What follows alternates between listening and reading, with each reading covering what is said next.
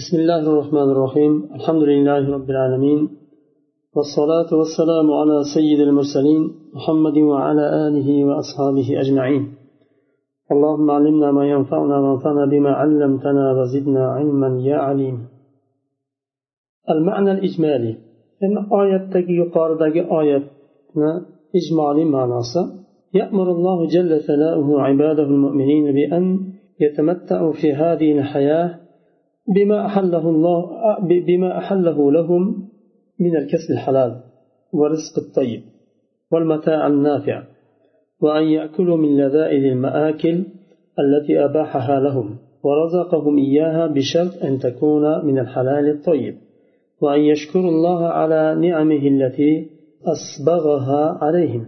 إن كانوا حقا صادقين في دعوى الإيمان عابدين عابدين الله منقادين لحكمه مطيعين لأمره لا يعبدون الهوى والشهوات الله تعالى mo'min bandalarni bu dunyoda alloh taolo halol qilgan narsalarni halol qilgan narsalardan foydalanishni halol kasb bilan topib kasb qilgan narsalardan tamattu qilishni foydalanishni buyurdi va rizq tayyib halol rizq. Nafi foydali mato foydalanishlik ya'ni bularni alloh taolo amr qildi. Va alloh taolo ularga muboh qilgan yeyimliklarni yeyishga amr qildi. Alloh taolo ularga rizq qilib bergan. Rizqdan yeyishlikni buyurdi. Bir sharti bilan halol bo'lishlik sharti bilan. Mol masalan qo'y mollar bular aslida halol. Agar halol kasbi bilan topgan bo'lsa o'g'irlik bilan bosqinchilik bilan bo'lmasa bu nima mol qo'y bular halol. Lekin halol o'zini mulkidagi halol moli ham agar harom o'lib qoladigan bo'lsa uni go'shti harom bo'ladi. Chunki halol shaklda suyulmadi. Shar'iy suyishlik bilan suyulmadi. o'limda hisoblanadi va alloh taolo yana buyurdi allohni bergan ularga ne'matlariga shukur qilishga buyurdi agar ular haqiqiy iymonlariga sodiq bo'lsa va alloh taoloni hukmiga itoat qiladigan ibodat qiladigan va shahavot va havolariga ibodat qilmaydigan bo'lsa agar ular ثم بين تعالى ما حرمه عليهم من الخبائث المستكرهة التي تنفر منها الطباع السليمة أو مما فيه ضرر واضح للبدن undan keyin alloh taolo ularga bandalariga harom qildi yomon ko'rilgan karih ko'rilgan habis narsalarni insonni salomat salomat tabiati nafratlanadigan habis narsalarni alloh taolo harom qildi yoyinki badan uchun zarar bo'lgan narsalarni ham alloh taolo harom qildi bandalarga. فذكر تعالى أنه إنما حرم عليكم الميتة والدم ولحم الخنزير وسائر الخبائث كما حرم عليكم عليهم كل ذبيحة ذبحت للأصنام أو لآلهتهم المزعومة وكل ما ذكر عليه اسم غير الله تعالى alloh taolo zikr qildiki bandalariga o'lim tana harom qilganini zikr qildi. Qonni cho'chqa go'shtini va qolgan habis narsalarni harom qilganini zikr qildi. Va shuningdek yana zikr qildi sanamlarga so'yilgan ularni mushriklarni olihalari uchun so'yilgan nimalarni jonliqlarni harom qildi. Va allohni ismidan boshqa ism bilan so'yilgan har qanday narsani harom qildi لكن إذا اضطر الإنسان وألجهته الحاجة إلى أكل شيء من هذه المحرمات غير باغ لأكله ما حرم الله عليه فليس عليه ذنب أو مخالفة ولا متجاوز قدر الضرورة. لأن الله غفور رحيم. يغفر للمضطر ما صدر منه عن غير إرادة. رحيم بالعباد لا يشرع لهم ما فيه الضيق والحرج lekin inson agar shu harom qilingan alloh taolo tarafdan harom qilingan narsalarni yeyishga majbur bo'lsa ya'ni ochlik vaqtida hayotini saqlab qolish uchun va shuni yeyishlikka bir hojat ularni majbur qiladigan bo'lsa haddidan oshmagan shaklda ularga hech qanday bir gunoh yozilmaydi. Agar ular zarurat miqdoridan o'tib ketmasa keragidan tashqari yemasa to'yib yeb olib zapas qilib yana olib olib nima qilmasa.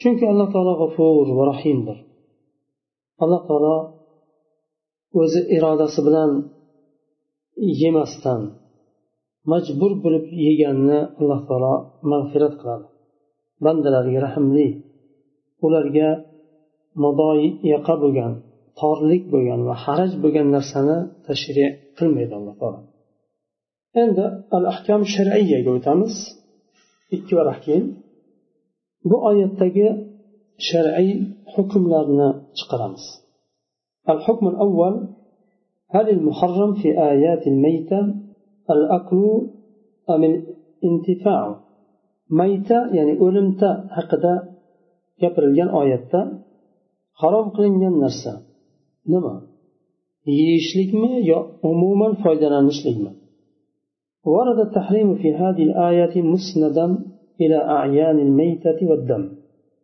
bu oyatda yuqorida o'tgan oyatda tahrim harom qilishlik o'limta bilan qonni ayniga isnot qilindi hurrimat alaykumul mayta deyildi sizlarga o'limta harom qilindi va qon harom qilindi وقد اختلف الفقهاء هل المحرم الأكل فقط أم يحرم سائر وجوه الانتفاع olimlar fuqarolar ixtilof qilishdi harom qilingan narsa bu yerda faqat yeyishni o'zimi yoyinki umuman hamma intifoni hammasimi ya'ni qaysi bir shaklda foydalanishlik mumkin bo'lsa shu foydalanishlikni hammasi harom qilindimi yeyishdan boshqa ham فذهب جماعة إلى أنه لما حرم الأكل حرم البيع والانتفاع بشيء منها لأنها ميتة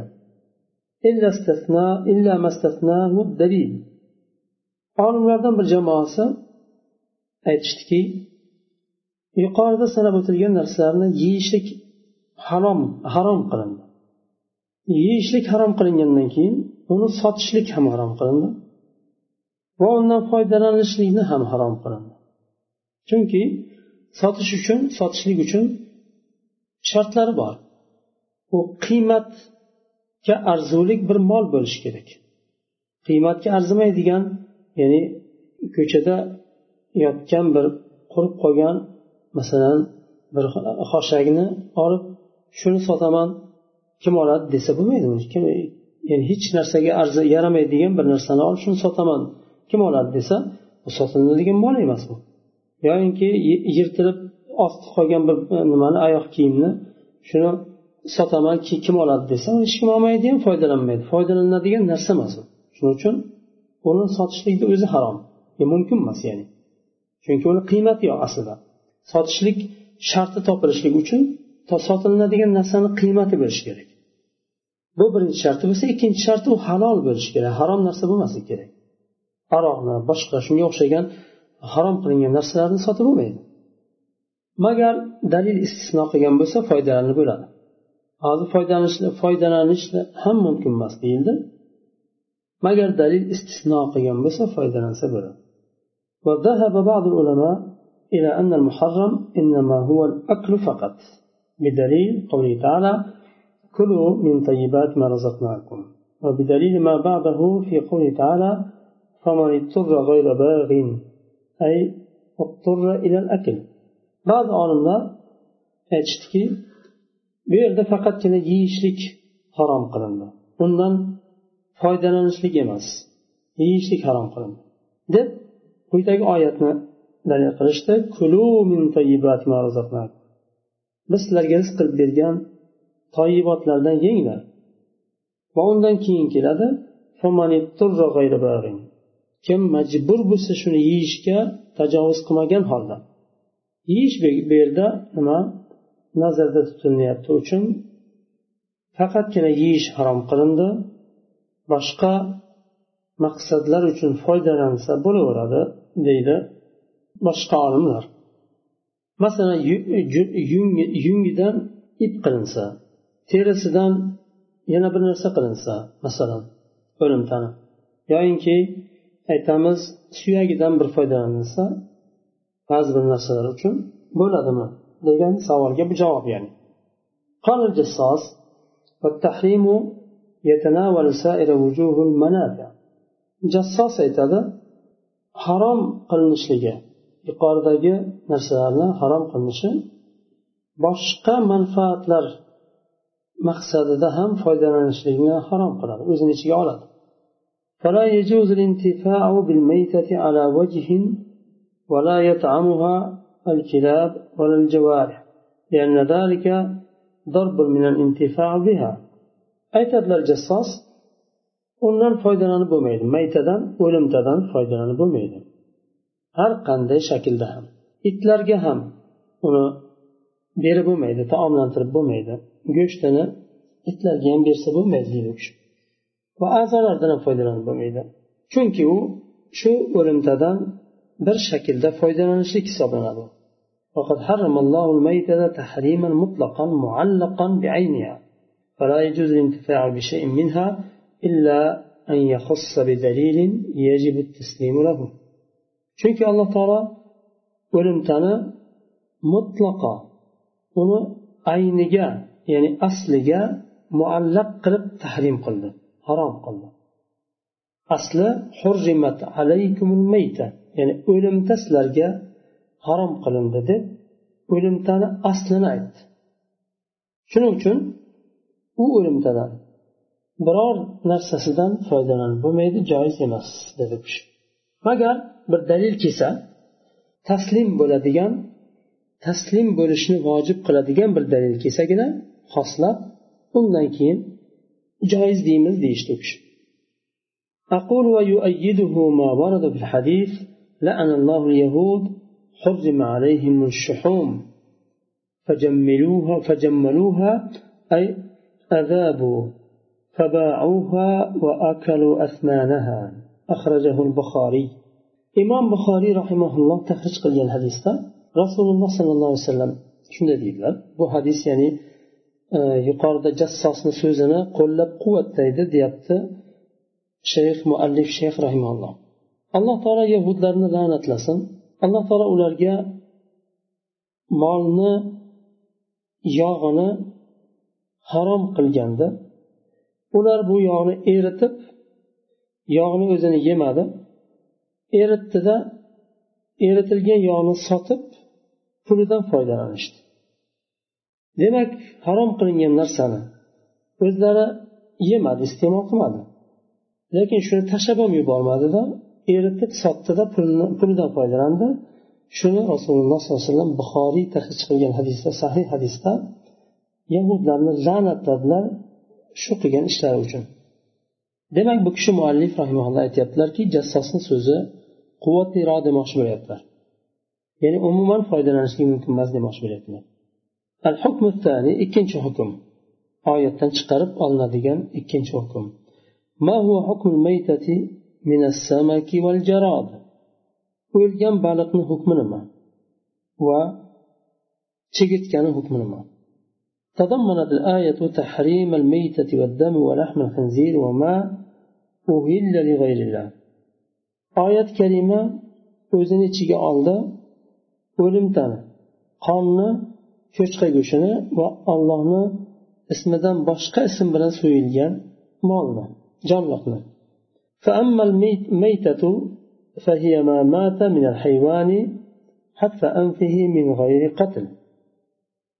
hayvonlarni o'limtasi hech kim o'ldirmasdan o'z öz o'zidan o'lib qolgan hayvonni o'limta deyiladi yoyinki maqtulan zakatin shar'iyyin yoki shar'iy ravishda so'yilmagan molni ham mayta deyiladi وكان العرب في الجاهلية يستبيحون الميتة فلما حرمه حرمها الله تعالى جادلوا في ذلك المؤمنين وقالوا لا تأكلون مما قتله الله وتأكلون مما تذبحون بأيديكم فأنزل الله في سورة الأنعام وإن الشياطين ليوحون إلى أوليائهم ليجادلوكم وإن أطعتموهم إنكم لمشركون.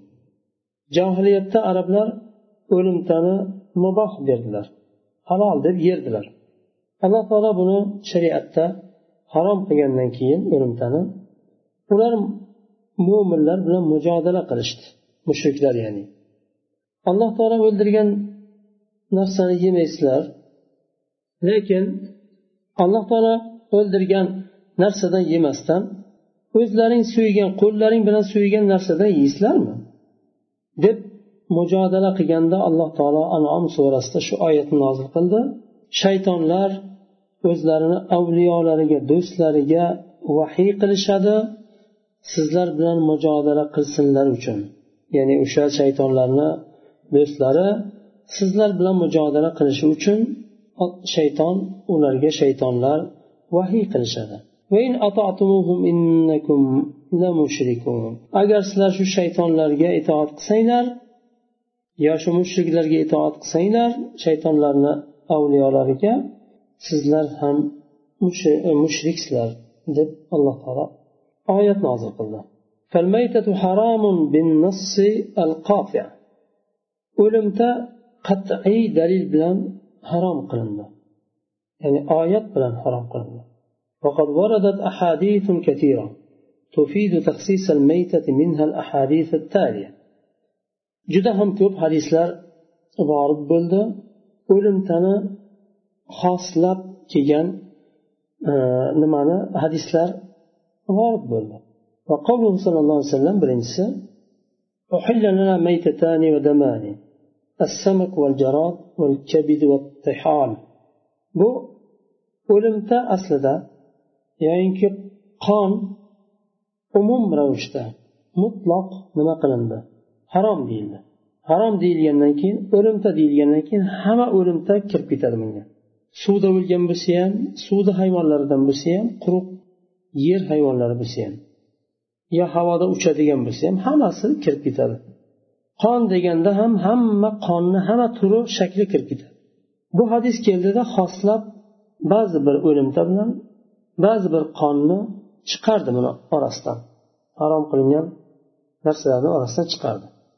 Rasululloh sollallohu alayhi vasallam aytadilar hadisda biz biz uchun ikkita o'limta va ikkita qon halol qilindi ikkita o'limta nima edi jarod baliq va chigirtka baliqni o'lgani halol so'yishlik shart emas chigirtkani o'lgani ham halol va qon bo'ladigan bo'lsa ikkita qon deyildi jigar bilan taloq ikkinchi hadis qavluhu sallallohu alayhi vasallam fil bahr هو الطهور ماؤه والحل ميتته dengiz haqida so'ralinganida tahorat qilsak bo'ladimi dengizni suvida tahorat qilishlik mumkinmi e, tozami deb so'raganlarida rasululloh alayhi aytdilar suvi toza o'limtasi halol dedilar وفي الصحيحين عن جابر بن عبد الله رضي الله عنه أنه خرج مع أبي عبيدة بن الجراح يترقى عيرا لقريش وزودنا جرابا من تمر. فانطلقنا على ساحل البحر. فرفع لنا على ساحل البحر كهيئة الكثيب الضخم. فأتيناه فإذا هي دابة تدعى العنبر. قال أبو عبيدة ميتة ثم قال بل نحن رسل رسول الله صلى الله عليه وسلم وقد اضطردتم فكلوا. قال فأقمنا عليه شهرا حتى سمنا. وذكر الحديث وقال فلما قدمنا المدينة أتينا رسول الله صلى الله عليه وسلم فذكرنا ذلك له فقال هو رزق أخرجه الله لكم. فهل معكم من لحمه شيء فتطعموننا؟ قال فأرسلنا إلى رسول الله صلى الله عليه وسلم منه فأكله. صحيح عندك هذا؟ بخاري مسلم ده؟ Jobir ibn abdulloh roziyallohu anhudan rivoyat qilinadi. Bu hadis u kishi abu ubayda jarroh roziyallohu anhu bilan qurayshni karvonini qarshilashlik uchun chiqadilar va o'zimiz bilan deydilar bir qopcha nima? Xurmo oldik. Dengizni sohiliga qarab yurdik va sohilga borganda dengiz sohilga bir katta bir nima bahaybat bir maxluqni chiqarib tashlagandi. Ya'ni baliq. Yoniga kelib qarasak u dabba. Dabba ya'ni bir maxluq. Tuda al ambar ambar baliqni bir turi. Ambar deb nomlangan bir maxluq nima edi? Hayvon edi. Hayvon baliq ya'ni nazarda tutilyapti qala abu ubayda abu ubayd roziyallohu anhu aytdilar bu o'limtaku dedilar. Keyin aytdilar biz rasululloh sollallohu alayhi vasallamni elchilarimiz. Sizlar hozir och qoldinglar. Majbur yeyishga buni. Chunki u yerda bir yeydigan narsa yo'q va u yerda qolishlari bir muddat qoladilar och qoladilar. Majbur yeyishga majburmiz o'limta bo'lsa ham dedilar. Va bir oy o'sha yerda qoldikda shundan yedik. Hatto semirdik deydilar. Undan keyin aytadilar madinaga kelganimizdan keyin rasululloh sollallohu alayhi vasallamni yonlariga keldikda shu bo'lgan voqeani rasulullohga zikr qildik. U kishi aytdilar bu alloh taolo sizlarga chiqargan rizq dengizdan chiqargan rizq. O'zlaring bilan biror narsa oldinglarmi uni go'shtidan? Bizni ham taomlantirasizlarmi? degan mazmunda so'radilar. Aytadilar biz rasululloh sollallohu alayhi vasallamga yubordik. O'zlari bilan o'sha go'shtdan demak olgan ekanlar. Rasululloh sollallohu alayhi vasallam undan yedilar. Bu dengizni ya'ni dengizda o'lgan narsani halol ekaniga dalolat qiladigan nima? Dengizda o'lgan derkan dengizda odam o'lib qolsa yo eshak o'lsa mumkin degan gap chiqmaydi. Dengizda degan nima? Bu ya'ni dengizni hayvonlaridan suv hayvonlari nazarda tutilyapti. وحديث ابن أبي أوفى غزونا مع رسول الله صلى الله عليه وسلم سبع غزوات نأكل الجراد أبو عبيدة ابن أبو ابن أبو أوفى aytadilar roziyallohu anhu rasululloh sollallohu alayhi vasallam bilan yetti g'azotda bo'ldik chigirtka yedik shu g'azotlarda yeydigan ovqatda bo'lmaganidan chigirtka yeganlar Alloh rozi bo'lsin sahobalardan. Shunaqangi og'ir kunlarni boshlaridan o'tkazgan sabr qilgan hech qanday bu narsalar ularni orqaga surmagan ruhini tushirmagan og'irlik qilmagan bu narsa ularga va zaiflik kam qilmagan va e, ya'ni shunday og'ir bir nimalarda sabr qilib dinni bizga yetkazib dunyodan o'tgan o'tganlar فقد خصص جمهور الفقهاء من الآية ميتة البحر للأحاديث السابقة الذكر olimlar mayta deganda oyatdagi o'limtadan dengizdagi suv hayvonlarini xos qilganlar shular nazarda tutilyapti bu yerda ya'ni bu yerda o'limta deganda o'limta aslida harom lekin hadis keldida xosladi ya'ni umum qilib mutloq qilib aytilingan lafzdan quyidagi yuqorida mana hadisda kelgan o'limtalarni chiqardi xoslab chiqardi فقد خصص جمهور الفقهاء من الآية ميتة البحر uchun jumhur fuqaho dengizda o'lganlarni o'limta hukmiga kirmaydi yuqoridagi oyatda kelgan harom qilingan o'limta hukmiga kirmaydi dedilar Chigirtkani yeyishni ham muboh deganlaridek chunki bu hadisda keldi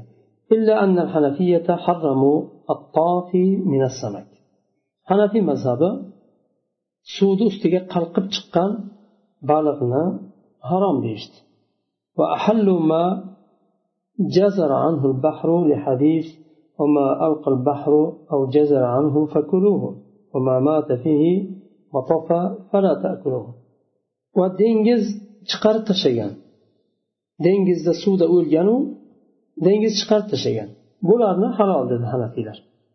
Yoyinki chiqarib tashlagandan keyin quruqlikda o'lgan. Bularni hanafiylar halol dedi.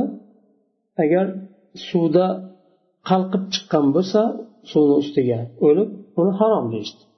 Va quyidagi hadisni dalil qilishdi. Dengiz chiqarib tashlagan o'limtalarni dengizni hayvonlaridan bo'lsa yenglar